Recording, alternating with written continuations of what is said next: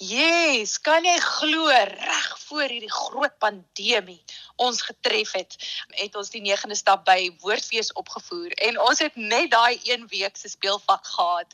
En ek onthou, ek dink ons het nog die 23ste Maart of iewers daar klaar gemaak en toe soos 3 dae dan 4 dae daarna toe word ons toegemaak. Toe word die land toegemaak en ons sê dis wat? En ons dekor word geberre en ons is net soos nee nee ons gaan dit optel, ons gaan dit optel. Of so het niemand van ons geweet hoe die wêreld op sy kop gedraai gaan word nie. Ehm uh, maar ons het hom definitief al op die planke gesit. Julle is nou te sien by Aardklop. Dit is 'n stuk van Dion Opperman en ek dink hy het so 'n relevante tema wat hy aanspreek. Dit gaan oor 'n maane dogter en ek dink as 'n maane dogter daar is, dan gaan dit sorg vir drama. Absoluut.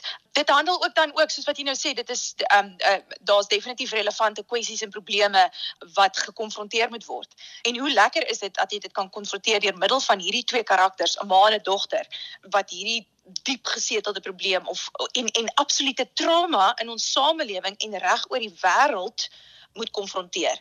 Maar mens kan nie net konfronteer nie.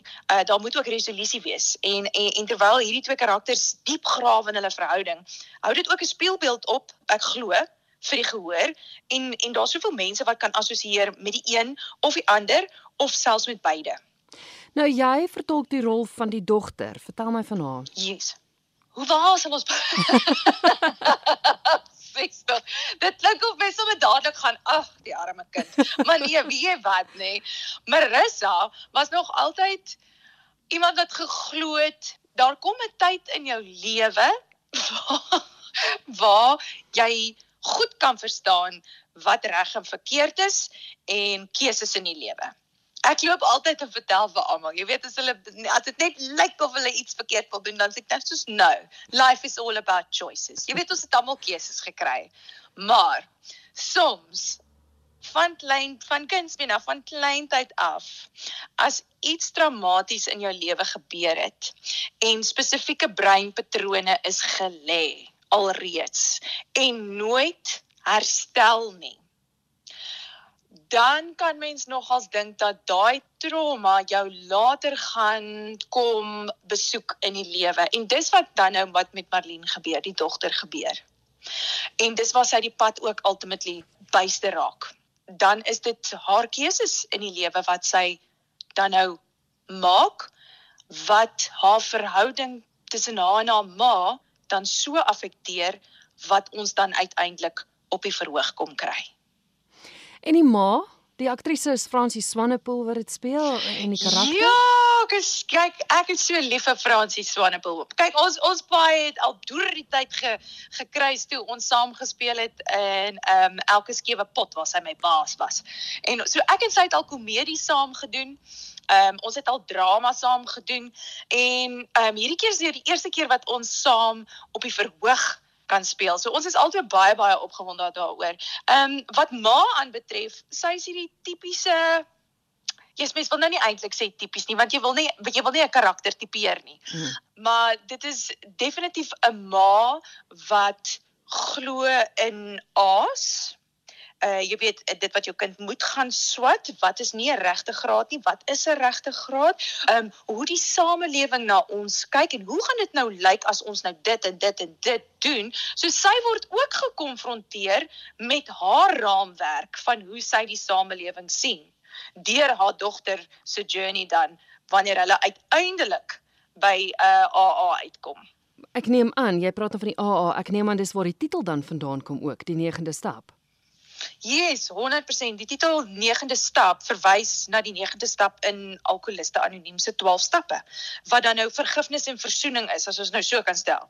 Daar's soveel wat daar ingaan. Vergifnis en versoening is sommer net so ek gooi dit sommer nou net so los daar uit, maar dit dit is alles wat daarmee gepaard gaan of ingesit moet word om dit te kan bereik. So dit het wel met alkoholisme en dwelmverslawing te doen, maar die kwessie is nie die kwessie is dan wie moet jammer sê?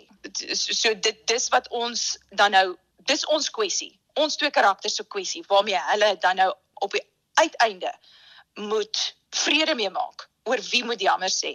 En en en ook dan weer eens wil ek terugkom daarna die die die speelbeeld na die gehoor toe want hulle gaan ek weet met ons vorige speelvak ook die mense sit daar aan die gehoor en aanvanklik gaan jy mm, mm, mm, mm, ek is aan die ma se kant of ek is aan die dogter se kant. En jy maar Dion het so beautiful geskryf dat dit is hoe gehoor want hy hy wil hê die gehoor moet die hele tyd so ding. Hy wil hê die gehoor moet spring van die een kamp na die ander kamp sodat jy aan die einde kan gaan en nie daar staan met ek wil nou oek nou ek het nou nie 'n Afrikaanse woord nie dat jy nie uit uit uit judgment uitkyk net vir een karakter of die ander karakter nie. Hy wil a, vir jou 'n breër spektrum gee wat jy oor kan dink na die tyd.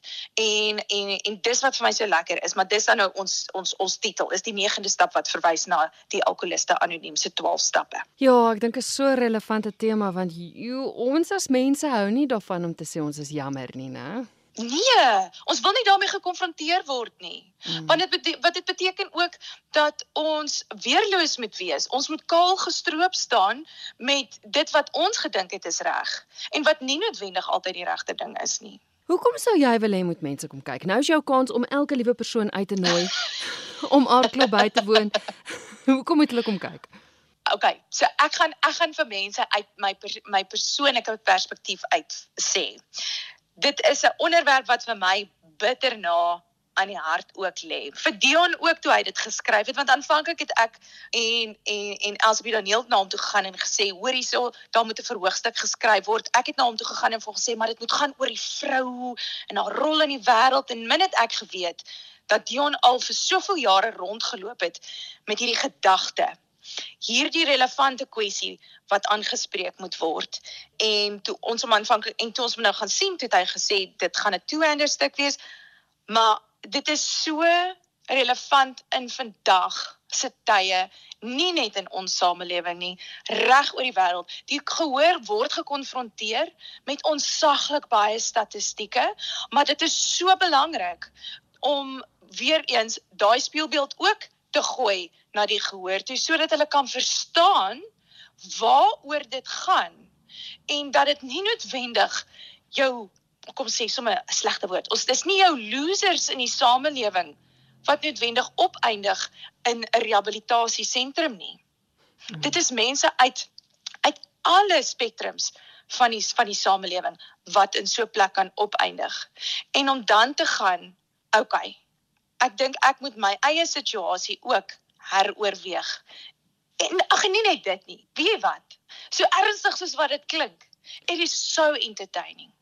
Dit is dis een van die grootste rollercoasters dink ek wat jy op die fees sal kan beleef. Daar's soveel emosies involved.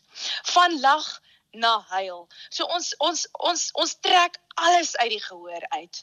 En en dis hoekom ek wil hê elkeen van hulle moet net kom kyk en hulle moet dit kom leef saam met ons en hulle moet verweef raak saam met ons in die verhoogstuk.